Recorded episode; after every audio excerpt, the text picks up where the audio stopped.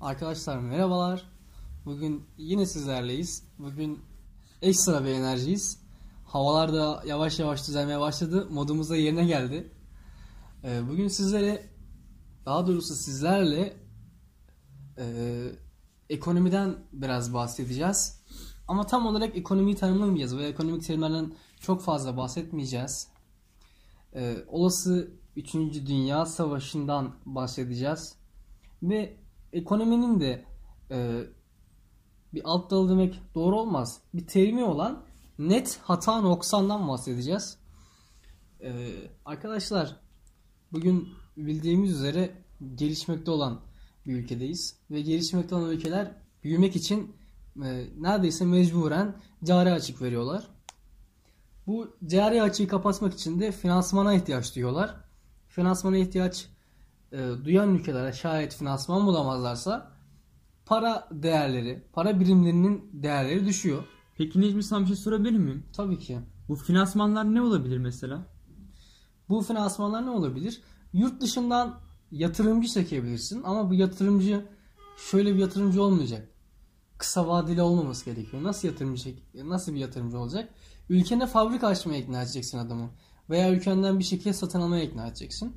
Ya da ülkenden bir fabrika satın almaya ikna edeceksin ki bu biraz riskli olan kısım. Çünkü var olan fabrikayı sattığın zaman şayet bu adam e, bu adama sahip olduğu firma ve fabrikalar senin satmak istediğin fabrikayla rakipse senin fabrikanı alıp kapatabilir. Bu da bir tehlike. Hani örnek tekel fabrikası. Kesinlikle tekel fabrikası e, 297 milyon dolara satılmıştı galiba. Yanlış Ya da hatırlamıyorsam. bekle biz tam net şey yapmayalım. Sadece tekel fabrikası diyelim. Siz tekel fabrikasını araştırın. Kesinlikle yani öğrendiğiniz zaman şok olacağınız, e, hayretlere ve kızgınlıklara boğulacağınız bir olay aslında bu. Evet Musa, kafanda bir soru var mı? Ben bugün niye ekonomiden girdim? Bugün sence ne anlatacağız? Ve senin merak ettiğin bir şey var mı? Necmi benim merak ettiğim şey şu. Senin hebire değindiğin bu net hata noksan nedir? Bize bunları bir açıkla. Bu terim yani bunu herkesin bilmesi olanaksız. Bunu bize bir açıklar mısın? E, net hata noksan dediğimiz şey az önce bahsettim. Gelişmekte olan ülkeler cari açık üretir arkadaşlar. Cari açığı kap- e, kapatmak için de finansman bulmaya çalışırlar. Türkiye bu sene yanlış veri vermek istemiyorum ama 23 milyar dolar civarında bir cari açık verdi. Türkiye bunu vermeyebilir miydi? Evet vermeyebilir. Nasıl olurdu bu? Ee, ekonominin gelişmesini, büyümesini durdurarak cari açık vermezsiniz arkadaşlar. Bu da gelişmekte olan ülkeler için tam manasıyla bir fiyaskodur. Yani gelişmeyi durdurmak gelişmekte olan ülkelerin harcı değildir. Yani eğer para kazanmak istiyorsan para kaybetmelisin. Yani kesinlikle. Böyle mi işliyor bu? Evet. Şimdi tam hata noksan dediğimiz şey ise şu.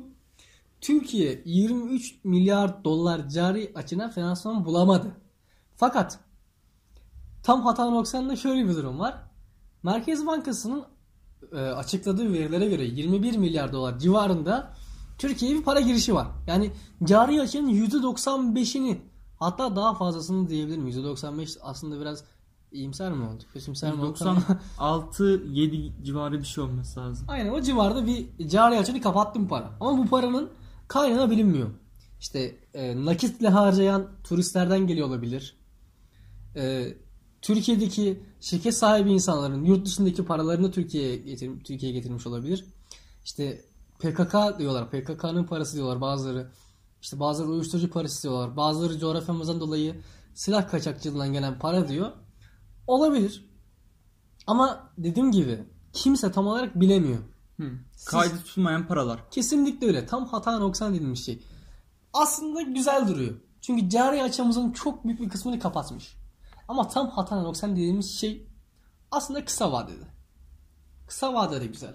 Çünkü sen Meksika'daysan yani sınır ötesine sürekli kaçakçılık yapmıyorsan ve ülkene buradan dolayı kayıt tutulmayan para gelmiyorsa ve senin şirketlerine de yurt dışındaki parası sonsuz kadar e, birim diyeyim ben sonsuz birimde bir paraya sahip değilsen tam hata noksan kısa vadeli senin gününü kurtarıyor. Yılını kurtarıyor. Oğlum ne yapalım Meksika kartellerini Türkiye'ye mi getirelim? Hayır arkadaşım. E ne sen- yapmamız gerekiyor? ne yapmamız gerekiyor? Uzun vadeli çözüm için. Uzun vadeli çözüm için şöyle. Hukuk sistemini geliştirmen gerekiyor. Şimdi ne alakası var diyebilirsiniz arkadaşlar. Yurt dışındaki insanların, yatırımcıların özellikle bir ülkeye yatırım yapmasındaki en büyük etkenler şunlardır. Bir, güvenlik. Yani işte terör falan var mı? Hırsızlık durumları ne? Ya halkın durumu ne? Gelişmişlik seviyesine. İki, e, siyasi istikrar diyebiliriz buna. Üçüncüsü ise kesinlikle adalet sistemidir. Neden adalet sistemi? Şimdi sana soruyorum Musa.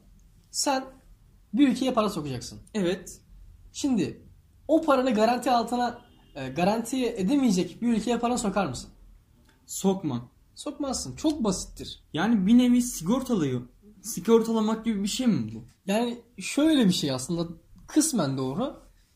Bir yandan da sen bu ülkeye para soktuğun zaman ister istemez elemanlarını sokacaksın değil mi? Evet. Bu elemanların senin bünyende. Yani o elemanın karşı bir sorumluluğun var. Onların can güvenliği, mal güvenliği her şey sana ait değil mi? Evet. Örnek veriyorum senin kıdemli elemanlarından birisinin başı ağrıdı. Evet.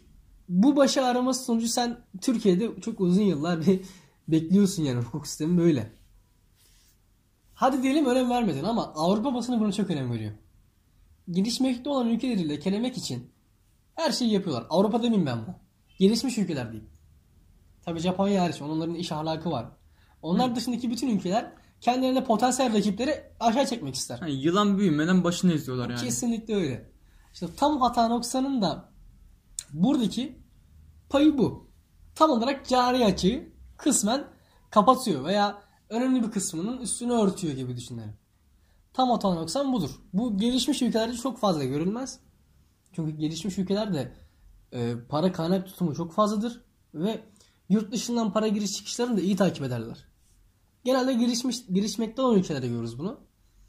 Özellikle Meksika'da çok fazla görülüyor bu. Yani kaçakçılık dediğimiz zaman aklımıza direkt benim Meksika geliyor uluslararası perspektifte bakarsak. Yani ismi meşhur Meksika kartelleri. Arkadaşlar tam hata noksan dediğimiz şey bu. Siz siz alın paranızı tam hata noksan olarak e, hiç kullanmayın diyeyim. Genel olarak illegal bir paradır bu. Tabi şu perspektiften bakmak lazım. Bu paralar Türkiye'deki büyük şirketlerin yurt dışındaki mal varlığını Türkiye'ye çekmesi de olabilir veya bir kısmı Türkiye'ye aktarması olabilir. Bu da Türkiye'nin ekonomisine veya şirketlerine olan güvencini gösterir. Aslında bir yandan da burada bir yeşil ışık yakıyor. Bu tam hata noksan. Nasıl bir yeşil ışık? Şöyle sen şirket sahibisin ve yurt dışında paran var. Türkiye'nin ekonomik gidişatında endişeliysen paranı Türkiye'ye getirir misin? Getirmem. Getirmez. Adam demek ki şirketine güvenmiş. Demiş ki ben Türkiye'de ve uluslararası arenada iyi işler yapabilirim. O yüzden adam demiş ki ben paramı yurt dışından en azından bir kısmını alayım şirketime hibe edeyim veya borç olarak lanse edeyim.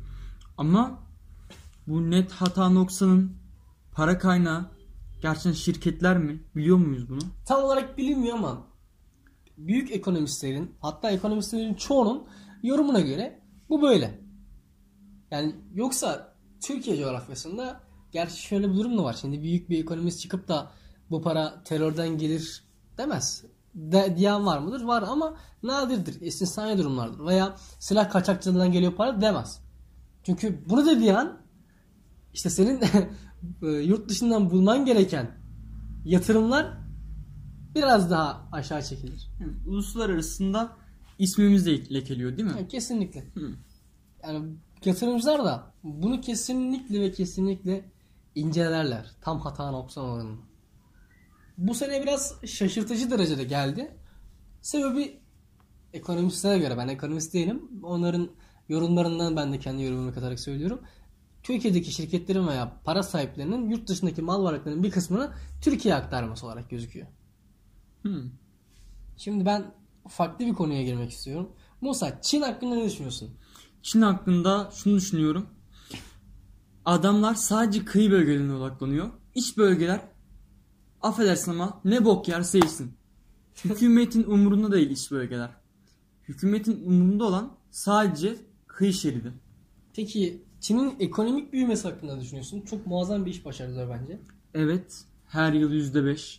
Bence çok güzel bir şey. Tabii her yıl %5 değil, %10, %7, %11 büyüme oranları var. Abi bu %5 hükümetin kendine koyduğu sınır. Evet, halkla olan sözleşmesi. Ya bir nevi de bu şey değil mi ya? Adamların safe zone'dan çıkması, rahat alanından çıkması. Ya kendilerini rahata sokmuyor adamlar. Böylelikle her sene kesinlikle bir büyüme kaydediyorlar. Yan gelip yatamıyorlar. Peki Çin'in bazı projeler hakkında bilgin var mı? Örnek veriyorum yeni Demir İpek Yolu gibi işte Afrika'da açtığı yeni limanlar gibi Pakistan'da veya Afganistan'da aç- açacak, açacak olduğu yeni limanlar gibi veya Madagaskar bölgesinde aç- açtığı yeni liman gibi. Bu limanlardan veya bu yatırımlardan haberin var mı? Haberim var ama araştırmadım. Şimdi Çin çok hızlı büyüyor ve dünyanın en büyük ihracatçısı Çin değil mi? Evet. Kimse buna hayır diyemez. Ekonomik veriler de gösteriyor zaten. Çin şu an kazandığı gelirini borç olarak ve yatırım olarak iki, par- iki parçaya ayırıyor. Yatırımları bir yurt dışı, iki e, ülke içinde harcıyor. Borçları ise normalde ben sana şöyle söyleyeyim. Uluslararası arenada askeri kuvvetine güvenmiyorsan, prestijine ve siyasi istikrarına güvenmiyorsan e, senin bulunduğun coğrafyanın uzayındaki bir ülkeye borç vermezsin. Veremez. Evet. Çünkü Haklısın. yarın bir gün bu adam borcunu ödemezse tahsil edemeyeceksin borcunu. Değil mi? Evet. Çin devasa boyutlarda borç dağıtmaya başladı. Ve borcunu dağıttığı ülkelerde Çin'in ulaşamadığı, ulaşmakta sıkıntı çektiği noktalarda. Mesela hangi noktalar? Mesela Brezilya. Çin'in en büyük e, odun ithalatçısı kim biliyor musun? Kim? Brezilya. Ve Çin muazzam bir şekilde Brezilya'ya borç veriyor. Neden Brezilya borç veriyor peki? Neden başka ülke değil? Mesela bu Amerika'da olabilirdi. Çünkü- Amerika yani borcunu ödeyebilecek bir ülke. Uluslararası arenada çok güçlü bir ülke. Neden Brezilya? Neden Amerika Şöyle değil? söyleyeyim ben sana. Senin e, bir pazara girmen için ilk önce anahtarı açman gerekiyor. Brezilya şayet hükümeti de şayet çıkıp derse ben Amazon ormanlarında odun kesmeyi, ağaç kesmeyi yasaklıyorum. Çin'in odun ithalatı yarı yarıya düşer neredeyse. Bu da Çin'in ihracatına bir darbe olur. Şimdi Çin alıyor, işliyor, satıyor değil mi? Aynen. E Çin zararda olacak bu sefer. E bu sefer Çin borç veriyor ki Brezilya devam olarak ithal, etsin, ithal versin. Aslında bu normalde Brezilya yaptığı ihracat iyi gözüküyor değil mi?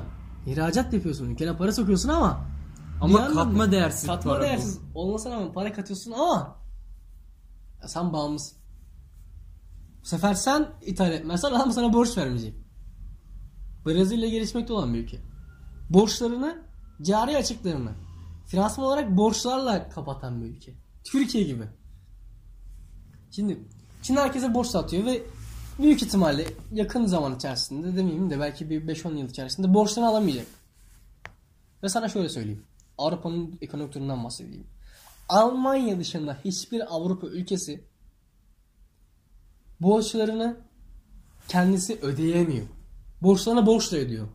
Almanya dışındaki bütün ülke Avrupa ülkeleri böyle. Bak Avrupa ülkeleri. Afrika, Güney Asya demiyor. Avrupa ülkelerinin durumu böyle. Ve İtalya'nın borcu milli gelirine, gelirine oranı şu an %131. Of, çok büyük bir rakam ya bu. Aşağı yukarı Türkiye, e, Türkiye'nin gidişatı öyle. Ama İtalya yeni Yunanistan mı olacak diye sorular var. Olabilir. Şimdi ben bunları niye anlatıyorum? Amerika şu an Amerika'daki borç patladı. Amerika'nın muazzam bir borcu var. Tek sıkıntısı Amerika devletlerden çok az borç alıyor. Şahıslardan borç alıyor genel olarak.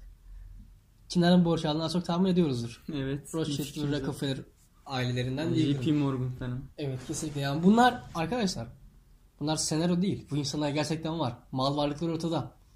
İkinci Dünya Savaşı'nda, Birinci Dünya Savaşı'nda neler, ne roller oynadıkları biliniyor. Bunları tartışmaya gerek var mı? Var. Araştırın arkadaşlar. Rothschild'ler kimlerdir? Rockefeller kimlerdir? Araştırın. Necmi ben arkadaşlarına şunu çok büyük bir ısrarla istiyorum. Bayer nedir araştırın. Monsanto nedir onu da araştırın. Ve Bayer ve Monsanto'nun Hitler'in gaz odalarıyla olan ilişkisini araştırın. Buradan da aslında o gaz odalarını kimin yaptırdığını bir bulun be. Kesinlikle arkadaşlar. Şimdi bu konuşma nereye varıyor? Ben bunlardan niye bahsettim? Dünyadaki borç durumlarından niye bahsettim? Arkadaşlar açık söylemek gerekirse dünya ekonomisi çalkantıda. Durgun dönemlerini artık geçirdi. Ekonomi boyutunu geçeceğiz artık. Artık siyasal boyutlar başlayacak. Yakın zamanda ekonomi kaynaklı savaşlar başlayabilir. Nasıl başlar bu savaşlar? Arkadaşlar para kimdeyse o istediği yeri yönetir. O istediği şeyi yaptırır. Örnek vermek gerekirse. Arkadaşlar bakın. Irak ne durumda? Şimdi bunun parayla ne alakası var diyeceksiniz. Çok alakası var. Amerika Irak'a neye girdi? Ekonomi Petrol. çıkarları için girdi. Yani petrol için girdi. Amerika OPEC'in niye karşısında? Amerika OPEC'e karşı. Niye? Çünkü kendisinin e, belirleme etkisi yok petrol fiyatlarını. OPEC'e bağlı ülkeler belirliyor. Para her şeydir. Ve unutmayın arkadaşlar. Gelişmekte olan ülkeler cari açık üretir. Buna finansman gerekiyor. En büyük finansman, en güzel finansman kendi ürettiğinizdir. Yani Musa'nın sürekli vurguladığı katma değerli ürünlerdir. Biz bugün teknoloji ithal eden bir ülkeyiz. Gerçi artık onu da açtık. Buğday ve saman da üret, üte, şey yapmaya başladık, ithal, İthal etmeye etmeye. başladık ama genel bazda bakarsak büyük harcamalarımız enerjiye ve teknoloji harcamalarına gidiyor. Enerji bizim sorunumuz. Allah'a vermemiş diyelim. Doğalgaz, petrol çıkmıyor topraklardan. Çıkıyorsa da maliyetli. Bizim buna çare olarak yapmamız gereken şey aslında basit. En büyük örnek Japonlar. Şimdi Japonya'da Musa sen biliyor musun doğalgaz çıkıyor mu ya petrol çıkıyor mu? Çıkmıyor. Ama adamlar Hatta yapmış. zamanında çok büyük krize girmişlerdi. Ee, Japonya e, petrol ithal edemediği için. Kesinlikle. Hatta dünya savaşlarında da Japonya Çin'i işgal ettiği zaman, Güney Asya ülkelerini işgal ettiği zaman petrol için işgal etti. Ve Japonya'nın 2. Dünya Savaşı'nda yenilmesinin en büyük sebebi petrol bulamamasıdır. Enerji bulamamasıdır. O koskoca devasa Yamato nasıl yürütülecek? Yani senin Yamato gibi büyük küheylerin var. Dünyanın en büyük savaş gemisi. Değil mi? Yalnız aynen öyle. Yamato neydi ya öyle? Ya en büyük Bismarck'tı ya da Yamato'ydu. Onu tam hatırlayamıyorum. Ben, Ama ama bana kalırsa ben Yamato derdim. Yamato'nun Salvador'u efsaneydi be. Bunu farklı bir zamanda, farklı bir konuda konuşalım. Çünkü hatta mühendislik alanındaki harikalardan bahsedebiliriz bu podcastimizde. Aynen. Buradan enerjiden devam edelim. Arkadaşlar para ve enerji kimdeyse o dünyayı yönetir. Ve şöyle bir durum var. Devletlerin parası kalmadı. Ve devletlerin şu an herkese bir borcu var. Yani herkese derken devletlerin birbirine ve daha önemlisi şahıs ve şirketlere borcu var.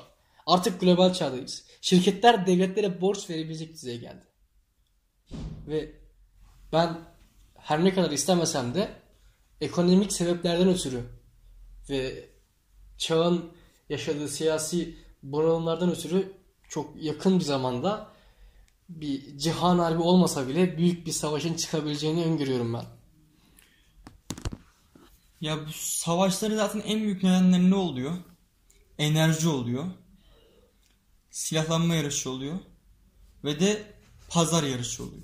Kesinlikle. Şu an günümüzde hangileri var? Hepsi var.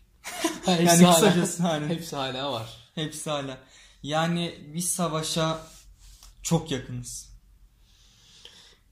Ama tabii biz böyle savaş mavaş diyoruz da kesinlikle savaş karşısıyız biz. Yani ben humanist bir insanım. Yani ben ben insanları de seviyorum arkadaşlar. Hani din, ırk, mezhep fark ten rengi- etmeksizin. fark etmeksizin ben her insanla oturup muhabbet ederim. Her insanı sevebilirim. Çok pesimistik bitireceğiz galiba bu sefer podcast'i. Aynen. Ben tabii savaş çıkabilir dedim de savaş çıkacak diye bir şey yok. Yani ben dedim de çıkmaz zaten de. Benim ön- öngörülerim bu. Yani bunu benden daha iyi hesaplayacak insanlar var. Sadece ben hani olası 3. Dünya Savaşı neden olur tarzında bir sebep ararsak ben büyük ölçüde bu dünyanın içinde bulunduğu ekonomik dalgalanmaları gösteririm. Çin'in çok hızlı bir şekilde ekonomik olarak büyümesi, işte silahlanması, işte Rusya'nın çok hızlı bir şekilde silahlanması, Rusya'nın ve Çin'in Amerika'ya kafa, kafa tutabilecek düzeye gelmesi. Yani bunlar etkendir. Yani dünya savaşı çıkmasa bile şuna eminim. İkinci bir soğuk savaş çıkabilir. Maalesef öyle be Necmi. Ne yapacağım? Bazı insanların hırsları için bazıları canlarını veriyor.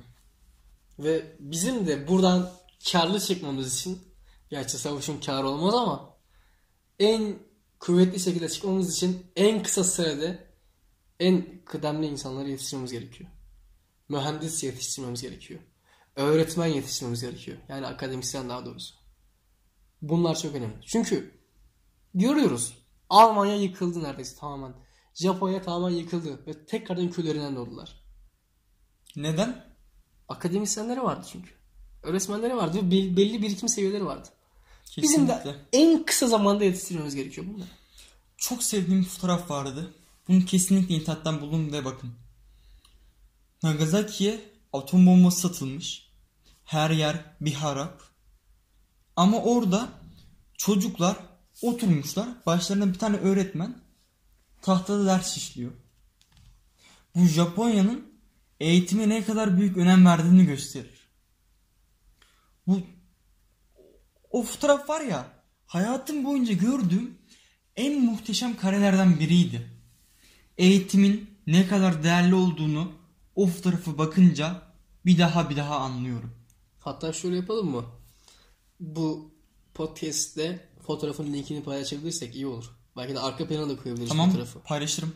Arka plana da koyabilirsek güzel olur aslında. Tam o zaman öyle yapalım. Hem ar- arka planı koyalım hem de linkini paylaşalım. Tamam. O zaman biz bu pesimistik yorumlarla bitirelim. Bu sefer müjde veremedik belki sizlere. Belki bir şeyleri yapmanız için sizi kırbaçlayamadık ama en azından bazı şeyleri araştırmanız için size belki yol gösterdik.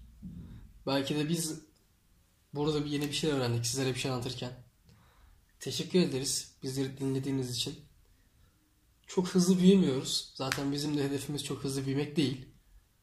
Bizim hedefimiz kesinlikle kaliteli insanlarla büyümek.